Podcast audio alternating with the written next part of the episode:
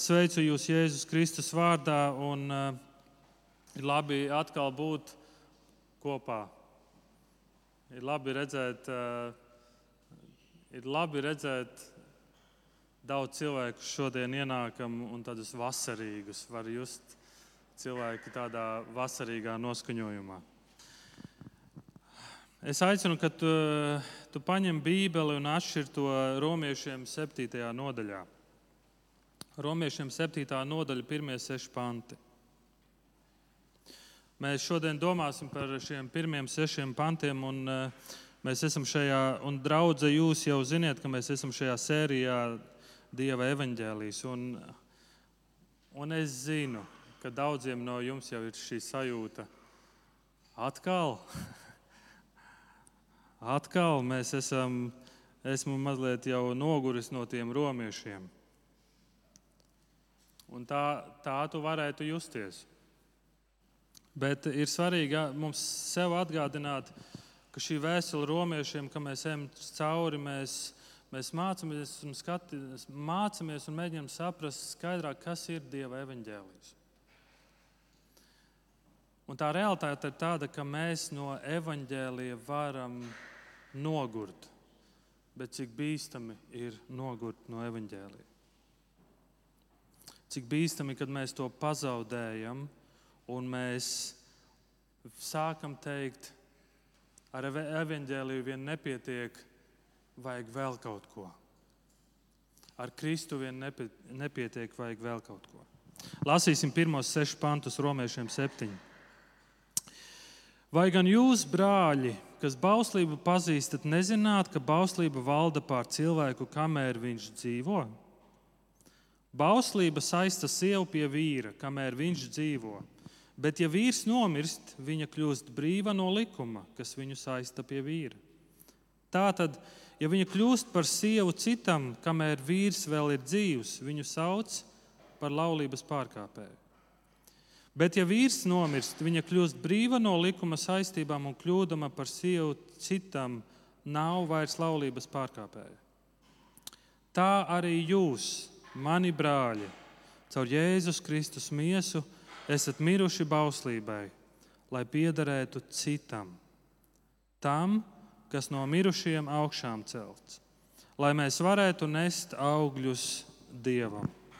Kamēr mēs vēl bijām miesīgi kaislības, kas pēc bauslības ir grēcīgas, darbojās mūsu locekļos nesdamas nāves augļus. Bet tagad, nomiruši bauslībā, esam atbrīvoti no tās, kas mūs cieši saistīja. Mēs nu kalpojam pēc jaunā gara, nevis pēc vecā burta. Āmen. Romiešiem, Pāvila vēstule Romiešiem 7. nodaļa, lasot šo nodaļu, tu pamanīsi vienu lietu, tur ļoti bieži minēts vārds likums ļoti daudz reizes. Un kādu laiku mēs domāsim par likumu, mēs domāsim par bauslību. Bet šodien par likumu un par žēlastību.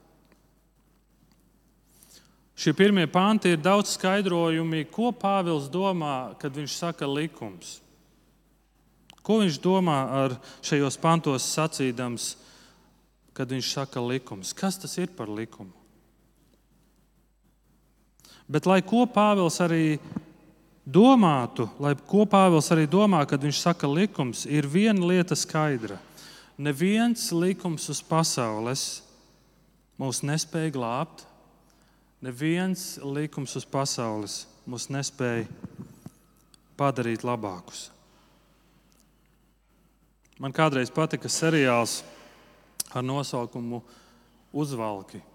Nu, ja jūs zināt angļu valodu, jūs varat nojaust. Seriāls ar nosaukumu Uzvalk, un šis seriāls ir par diviem juristiem, kur viens ir jauns eh, ģēnijs, kurš, kuram ir ļoti laba atmiņa, un otrs ir eh, Oksfordā izmācī, izmācījies jurists. Un, un šis seriāls ir par to, kā viņi tagad ar, ar likumu mēģina izcīnīt savu klientu tiesības un, un, un, un kā viņi cīnās jurists pret juristu, ju, firma pret firmu. Un šajā seriālā bieži vien bija arī situācija, kad likums tika izmantots, lai attaisnotu vainīgo. Mēs šodien dzirdam vārdus sistemātiskās problēmas. Mēs šodien ziņās lasām, un, un daudzi aicina un saka, mums vajag mainīt likumus. Tas nedarbojas. Sistēmā ir problēma, mums ir jāmaina likums. Bet jautājums, vai tas izmaina sabiedrību? Luter, Luters sacīja šādus vārdus: Likums saka, dari šo, un tas netiek darīts. Žēlastība saka, tici viņam, un viss jau ir paveikts. Cik interesanti. Likums saka, dari šo, un tas netiek darīts. Bet žēlastība saka, tici viņam, un viss ir paveikts. Vēstulē romiešiem 6. nodaļā, ja tu atceries, Pāvils uzdeva kādu jautājumu. 6. nodaļas 15. pants. Ko nu? Vai varam grēkot, ja vairs neesam padoti bauslībai, likumam, bet gan žēlastībai? Un Pāvils, kad viņš raksta šo vēstuli, viņš zina, ka ir kādi jūdi, kuri nāks pretī un teiks, Pāvils, tas evaņģēlijs, ko tu sludini, ir bīstama lieta. Jo tu sludini, ka viss ir no žēlastības. Un tāpēc ir šis jautājums, vai varam grēkot, ja vairs neesam padoti bauslībai, bet gan žēlastībai? Un Pāvila atbilde ir nē, taču, nē, nekādā gadījumā. Un šīs septītās nodaļas pirmie seši panti Pāvils šeit skaidro, kā izskatās dzīve, kas tiek dzīvota žēlastībā. Kā izskatās dzīve, kas tiek dzīvota žēlastībā? Un šajos sešos pantos Pāvils mūs iepazīstina ar tādu jaunu domu, un šī doma ir brīvība no bauslības, brīvība no likuma. Un Pāvils šeit tev ir ļoti jāuzmanās, jo Pāvils rakstot, viņš zina, ko jūdiem nozīmē likums. Viņš ļoti skaidri saprot, ko jūdiem nozīmē likums. 5. mūža grāmata, 27. nodaļa, 26. pants. Nolādēts, kas nedara šīs bauslības vārdus un nepilda tos. Salamans mācītājs 12. nodaļā saka, saņemot kopā visu dzirdēto, Bīsties Dieva un ievēro viņa baušļus, jo tas ir viss, kas cilvēkam jādara. Jūdiem Dieva bauslis tā bija svēta lieta. Un jūdī centās to mainīt un padarīt vieglāk izpildāmu, bet tas neko neizmainīja. Jo Dieva standarts nemainījās. Jēkab 2. nodaļa, 10. pants. Ik viens, kas visu bauslību pilda un tomēr vienā bauslī to pārkāpj, ir visu baušļu pārkāpējs. Un tad viņš Pāvils Romiešiem 7. nodaļā, pirmajos trīs pantos saka, vai gan jūs nezināt, brāļi, un tie, kas, uz kuriem viņš saka, tie ir tie, kas zina bauslību, saka, jā, mēs zinām, ka likums, bauslība valda pār cilvēku, kamēr viņš dzīvo. Viņš pasaka tādu apgalvojumu, un pēc tam nākamajos divos pantos viņš dod piemēru par laulību. Bauslība saista vīru ar sievu, kamēr viņš dzīvo, bet, ja vīrs nomirst, viņa kļūst brīva no likuma, kas viņu saista pie vīra. Tātad, ja viņa kļūst par sievu citam, kamēr vēl vīrs ir dzīvs, viņu sauc par laulības pārkāpēju.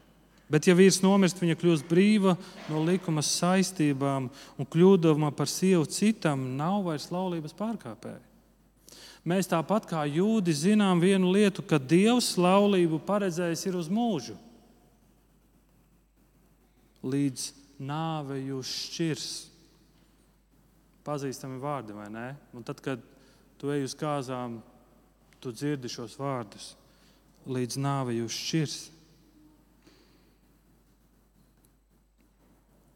Vecās derības likums deva norādījumus, kā cilvēkam dzīvot. Kā cilvēkam dzīvot, lai tu iepriecinātu Dievu. Tas bija likums par to, kā mīlēt Dievu. 5. mūzes 6,5. Mīli kungu savu Dievu ar visu sirdi, visu dvēseli un visu spēku. Vecās, šis, šis likums, ko Dievs ir devis, ir kā mīlēt savu tuvāko, kā sevi pašu. Un mēs varētu teikt, ka tas Dieva likums ir mīlestības instrukcija. Bauslība ir mīlestības instrukcija. Mīli Dievu un savu tuvāko kā sevi pašu. Bet šī instrukcija iekļāva sankcijas, moderni runājot.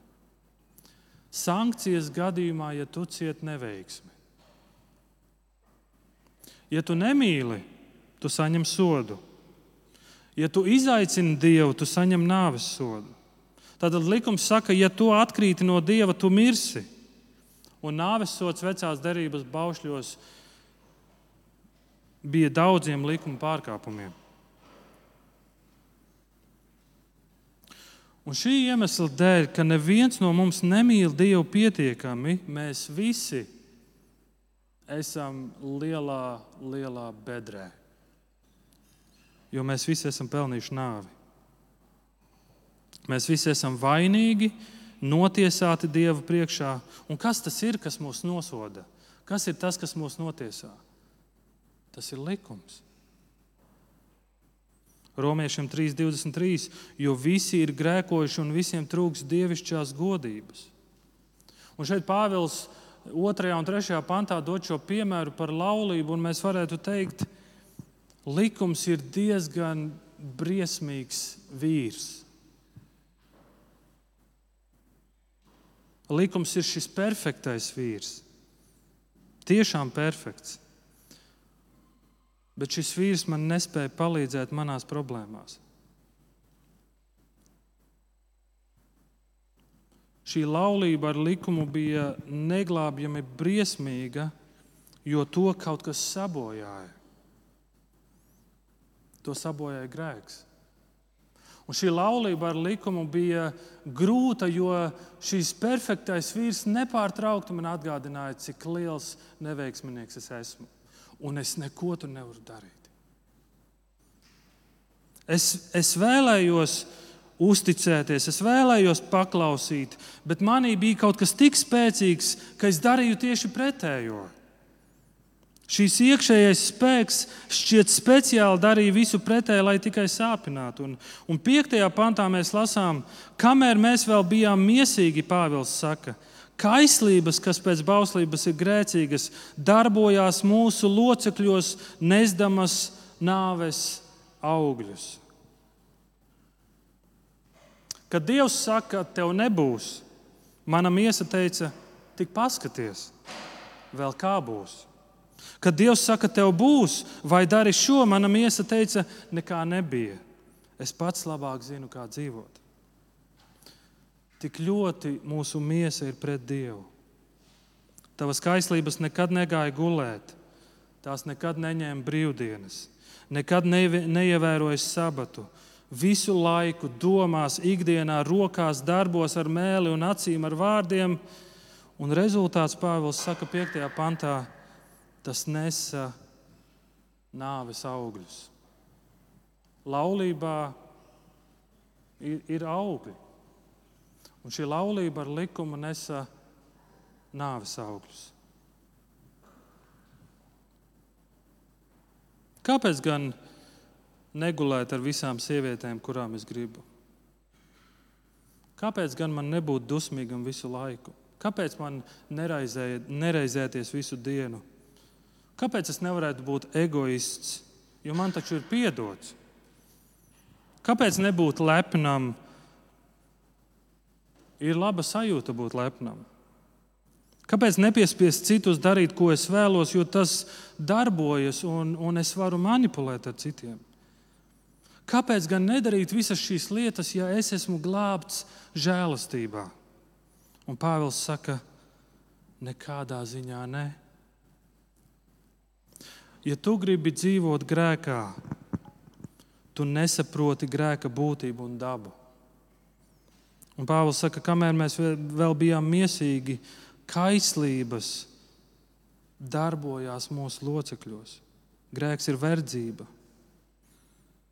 Grēks ir verdzība. Šodien daudzi man oponē un saka, Raimond, nē, tu saki muļķības. Grēks ir brīvība. Kādam nark narkomānam tika jautāts, pastāst, kā tas ir lietot narkotikas. Uz ko viņš atbildēja, tas ir lieliski. Tu jūties lieliski, tu vari negulēt, tev ir daudz enerģijas, tu esi priecīgs, tu vari darīt, ko vien vēlies. Un kā ir pēc tam? Pēc tam tu tiec satriekts, un tev vajag vēl, un tev vajag vēl. Grēks izskatās kā brīvība, bet izturās pret tevi kā vergu.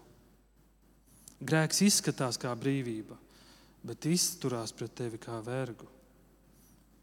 Tu ej pa ielu un skaties uz katru meiteni tā, ka tu savā prātā ar viņu pārguli. Tu taču vēlēsies būt brīvs, tu dari, ko tu vēlēsies. Bet vēlāk tas ir vienīgais veids, kā tu spēj skatīties uz jebkuru meiteni. Kāds precēts vīrs reiz stāstīja, ka viņam ir bijusi atkarība no pornogrāfijas. Tas, ko viņš teica, kad es sāku skatīties vienu filmu, Tad es vēlējos skatīties nākamo un nākamo. Es visu nakti varēju skatīties pornogrāfiju, un ja mani naktas vidū kāds patraucētu un teiktu, ka tu vari pazaudēt savu ģimeni šādā veidā, es tajā brīdī teiktu, man viena alga. Man viena alga. Un tad viņš teica, es pamostos no rīta un saprotu, ka es visu nakti esmu pavadījis verdzībā. Un tu dzīvo ar smagu vainas apziņu un nesā to sev līdzi. Grēks izskatās kā brīvība, bet tas paņem prom no mums brīvību. Es gribu dusmoties. Es saku, ko gribu, es izvēlos darīt to, jo es esmu brīvs. Un tu pēc tam pamani, tu patiesībā nespēji nedusmoties. Un tāpēc, ko dara likums? Likums saka, tu esi vainīgs, tu esi pelnījis nāvi. Likums sprieda nāvi. Nāve tika, tika piespriesta, spriedums tika izpildīts. Kāds mīra. Un šis kāds ir tas, ko Pāvils raka, raksta 4. pantā.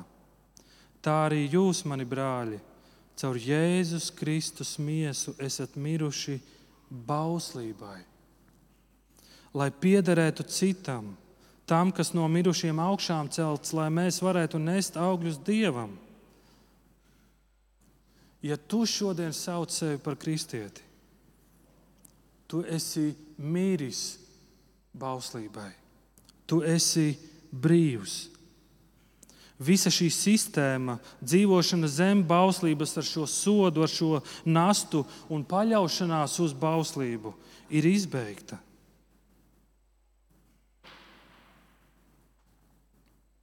Dievs saka, tev jāmīl mani, tev jāmīl savs tuvākais, tev jāmīl, citādi būs sekas.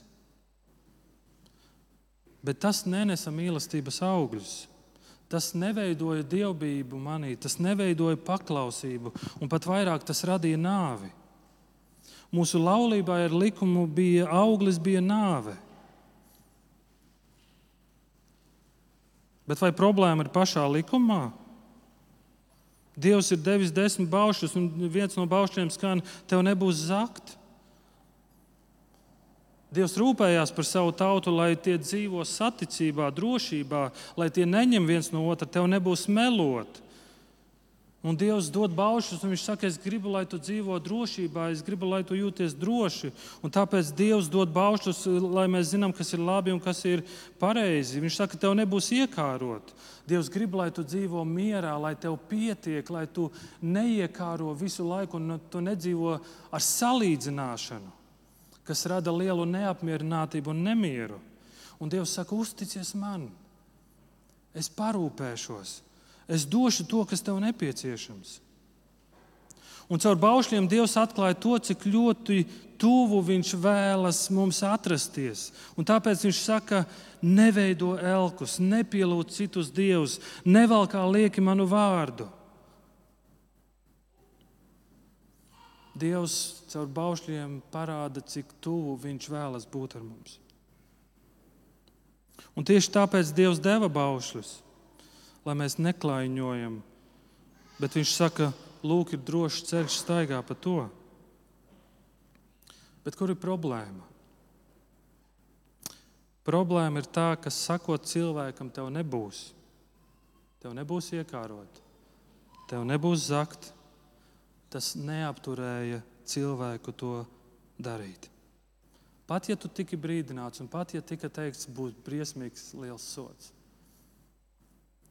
Pandēmijas laikā bija ļoti daudz ierobežojumu, un valdība deva daudzus ierobežojumus un teica, tik mājsaimniecības vai divas mājsaimniecības nedrīkst, un to nedrīkst, un to nedrīkst. Un ko tu redzi? Es pieļauju, ka daudzi to neievēroja. Daudzi to neievēroja. Problēma ir mūsos.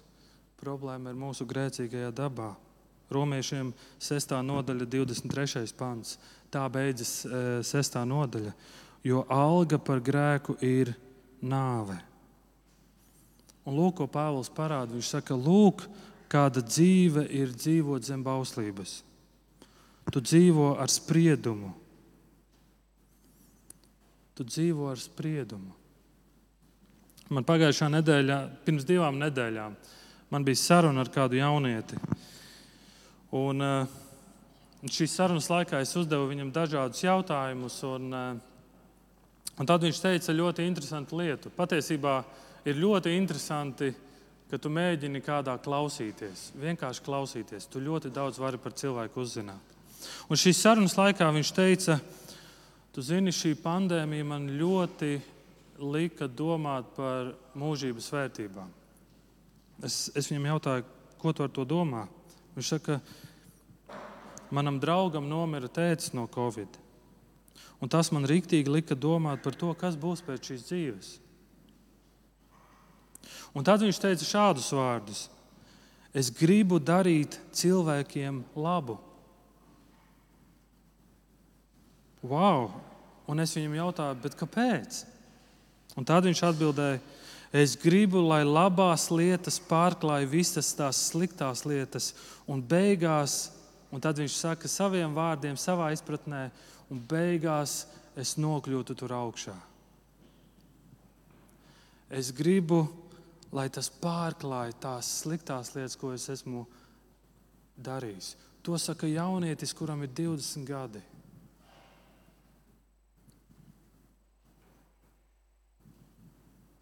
Un tu redzi, tur ir šī vēlme, es gribu. Es, es, gribu, es gribu, lai tās sliktās lietas kaut kādā veidā tiek, tiek nomazgātas. Es gribu, un viņš saka, un es, viņš ir jau izdomājis, kādā veidā viņš to darīs, lai viņš iegūtu šo labumu no Dieva. Un tāda ir mūsu cilvēka daba. Es centīšos dzīvot zem šīs bauslības, lai sevi glābtu. Gan jau man izdosies bet nasta kļūst smagāka un smagāka, jo likums tev visu laiku atgādina, atgādina cik liels neveiksminieks tu esi, cik liels grēcinieks tu esi. Es atceros, kad mēs ar māsu gatavojāmies kristībām. Un, eh, un mēs aizgājām eh, uz draugu, mēs visi jaunieši tur runājām par kristībām. Un, un, un es, es jūtu tādu degšanu sevī iekšā, ka jā, tas mums ir jādara, un mana māsa jutās tāpat. Un mēs ejam uz mājām, un mēs ejam uz mājām, un mēs runājam par to, un es pēkšņi viņai saku, un tā bija 9. klase vai 10. vienalga. Un es viņai saku, zini, kā māsa. Man liekas, mums ir jākristās tad, kad mēs pabeigsim vidusskolu un kad mēs kļūsim labāki. Un tur redzam, pēkšņi pieslēdzas šī vecā grēcīgā daba un saka, nē, man jākļūst labākam. Man jāizpilda kādas lietas, lai es saņemtu šo, šo mieru pie Dieva. Man jākļūst labākam. Bet, bet šeit Pāvils saka, jo alga nāve, alga par grēku ir nāve. Alga par grēku ir nāve. Un tas joprojām cenšas, un šī miesa joprojām cenšas man ietekmēt. Un atceros pirms diviem gadiem, kad bija gatavošanās licencēšanai, sludināšanas licencēšanai, es sev vienā brīdī teicu, es, es neesmu gatavs. Es, es apzinos, cik liela tā ir atbildība, bet sev es teicu, lai es būtu licencēts, man ir jāizdara šis un tas, un man jākļūst tādam un tādam. Un es uzskaitīju šīs vairākās lietas, un es teicu, es neesmu gatavs. Vai tā ir nepareiza attieksme? Es domāju, tas no vienas puses tas nav slikti, ka tu pārdomā un apzinājies. Bet tā bija pilnīga uzticēšanās uz sevi. Tā ir kā es būšu tas, kas to visu darīs. Alga par grēku ir nāve. Tā ir liela bedra, mīļie. Tā ir liela tumsa. Bet zini, ko Jēzus saka? Uzticies man. Un tāpēc 23. panta, 6. nodaļas otrā daļa ir: Bet Dieva dāvana ir ir mūžīgā dzīvība Jēzu Kristu mūsu kungā. Bet Dieva dāvana ir mūžīgā dzīvība Jēzu Kristu. Un tas, ko Pāvils saka, tikai Jēzu caur viņa nāvi mēs tiekam atbrīvoti no šīs sistēmas, no šīs domāšanas. Likums solīja nāvi, likums atnesa nāvi, bet, ja tu esi kristietis, Jēzus nomira arī tevis dēļ. Un mēs šodien varam teikt, es nomiru. Es ticu Jēzum, un es nomiru. Un tagad es esmu brīvs. Ir divi veidi, kā tu vari nomirt. Ir sliktā nāve un ir labā nāve. Tu vari palikt zem likuma varas un vari censties savā dzīvē, censties izpatikt Dievam ar savu spēku, ar saviem noteikumiem, bet tad būs lielā tiesas diena, un tu stāsies Dievu priekšā, un Dievs teiks, mūžīgā nāve. Un tu mirsi, un tā ir briesmīga nāve. Bet ir otrā, šī labā nāve, lai ko par nāvi varētu teikt. Bet tā ir mirt kopā ar Kristu. Un tas ir tad, kad tu uztici viņam savu dzīvi. Un starp citu, tu vari nomirt tikai vienreiz. Likums tev nepalīdzēs. Caur likumu nav iespējams panākt morāles izmaiņas. Pāvils saka, tās nāk caur Jēzu. Kā izskatās dzīve žēlastībā? Tā ir dzīve ar Jēzu Kristu. Jēzus ir Dieva dāvana, Jēzus ir šī Dieva žēlastība. Un Romiešiem 7. nodaļas 6. pants. Bet tagad, nomiruši bauslībā, esam atbrīvoti no tās, kas mūs cieši saistīja, kā, tādi, kā tādus vergus. Mēs nu kalpojam pēc jaunā gara, nevis pēc vecā burta. Mēs kalpojam pēc jaunā gara, nevis pēc vecā burta. Tu redzi, ka šeit rakstīts, šeit rakstīts, ka mēs esam nomiruši Kristu un mēs tiekam atbrīvoti. Un šeit rakstīts, mēs kalpojam. Kad mēs esam Kristū, kaut kas izmainās. Pāvils šeit nesaka, likums mirst. Pāvils šeit nesaka, ka likums vairs nav vajadzīgs, jo likums pats par sevi ir labs. Pāvils saka, mēs kalpojam. Un Pāvils saka, ka tad, kad mēs mirstam ar Kristu, mēs spējam piepildīt viņa likumu. Kāpēc? Tāpēc, ka viņš ir piepildījis bauslību. Viņš ir piepildījis likumu, viņš nav atmetis likumu, viņš to ir piepildījis. Tāpēc aicina Pāvils, saka, tāpēc tveries pie tā, kurš ir piepildījis. Jeremijas 31. nodaļā ir pravietojums. Pēc šīm dienām ar Izraēlu namu es slēgšu šādu derību, saka kungs. Es došu viņiem savu bauslību, es rakstīšu to viņu sirdīs, un es būšu viņu dievs, un viņi būs mana tauta. Neviens vairs nepamācīs ne savu tuvāku, ne savu brāli sacīdams, pazīstiet kungu, jo viņi visi mani pazīstu no maza līdz lielam, saka kungs. Es piedošu viņu vainas un viņu grēkus vairs nepieminēšu. Šis Dieva evaņģēlijs mūs aicina uzticēties Kristum. Uzticies Kristum. Ļauj viņam valdīt par savu dzīvi. Un ceturtais pants saka, mēs Kristu nomirām, un tagad mēs piedaram viņam, un tad ir jauna laulība, jaunas attiecības ar Kristu. Un šajā laulībā ir likums. Bet šis likums ir ierakstīts manā sirdī. Tas vairs nav ārējais likums. Atcerieties, Romiešiem otrajā nodaļā Pāvils saka, jūs lepojaties ar to, ka jums ir likums, bet jūs to pārkāpjat un jūs zaimojat Dievu. Bet tagad šajā jaunajā laulībā ar Kristu Es esmu brīvs no tās vecās domāšanas. Es esmu pieņemts, un likums ir ierakstīts manā sirdī. Es vairs nenogalinu tikai tāpēc, ka man kāds saka, nenogalini, bet tāpēc, ka es savā sirdī jūtu, ka es to nevēlos darīt. Es neiekāroju citam mantu nevis tāpēc, ka man kāds saka, neiekāro, bet es to nevēlos darīt. Un šeit Pāvils 6. pantā saka, pēc jaunā gara, un, un tas parāda, ka svētais gars ir tas, kas mums dod dzīvot svētu dzīvi, dod spēku šai svētajai dzīvei.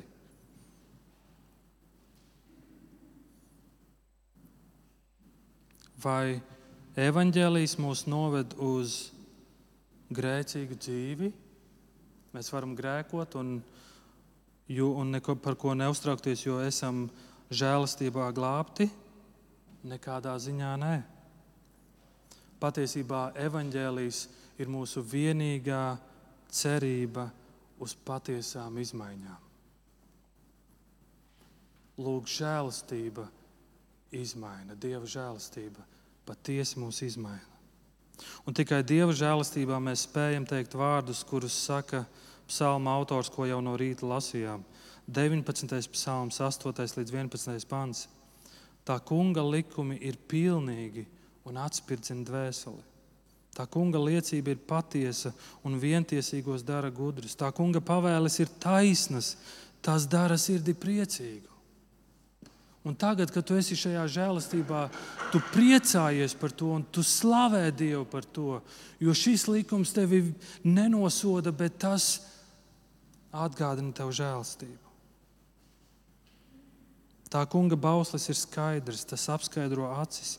Bība tā kunga priekšā ir šķīsta, tā pastāv mūžīgi. Tā kunga tiesas spriedumi ir patiesība, tie visi ir taisni, tie ir jaukāki nekā zelts, nekā kausēts zelts. Tie saldāki nekā medus, kā vistīrākais tecinātais medus no šūnām. Un Pāvils saka, ka neatgriezies pie šīs vecās domāšanas.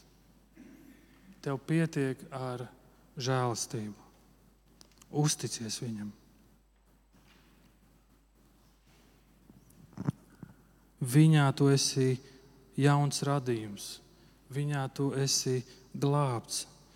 Tu tagad piedari citam, tu piedari Kristum un vairs nav jādzīvo ar šo nastu, kas man vēl jādara, kā man tikt ar tiem visiem vecajiem, sliktajiem darbiem, ko es esmu darījis. Man jādara vairāk labie. Bet nē, Kristu es saku, man ir piedots, jo Viņš nomira pie krusta, un es nomiru kopā ar viņu. Un tā ir Dieva žēlstība. Lūksim Dievu!